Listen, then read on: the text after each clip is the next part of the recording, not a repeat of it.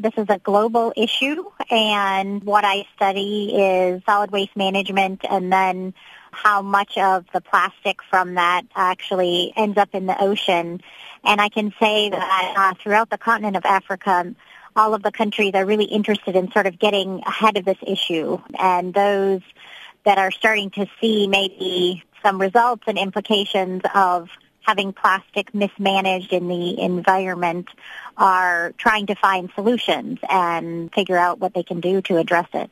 Jambeck sê elke mens op aarde dra tans by tot plastiekbesoedeling in die oseaan.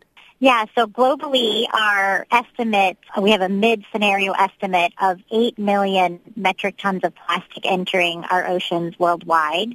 It's a hard number to wrap your your mind around, but if you can imagine, if we all stand hand to hand on every foot of coastline in the world, we would each have five grocery bags filled with plastic in front of us, and that's what's going in. So trying to reduce that is, is what we're trying to do.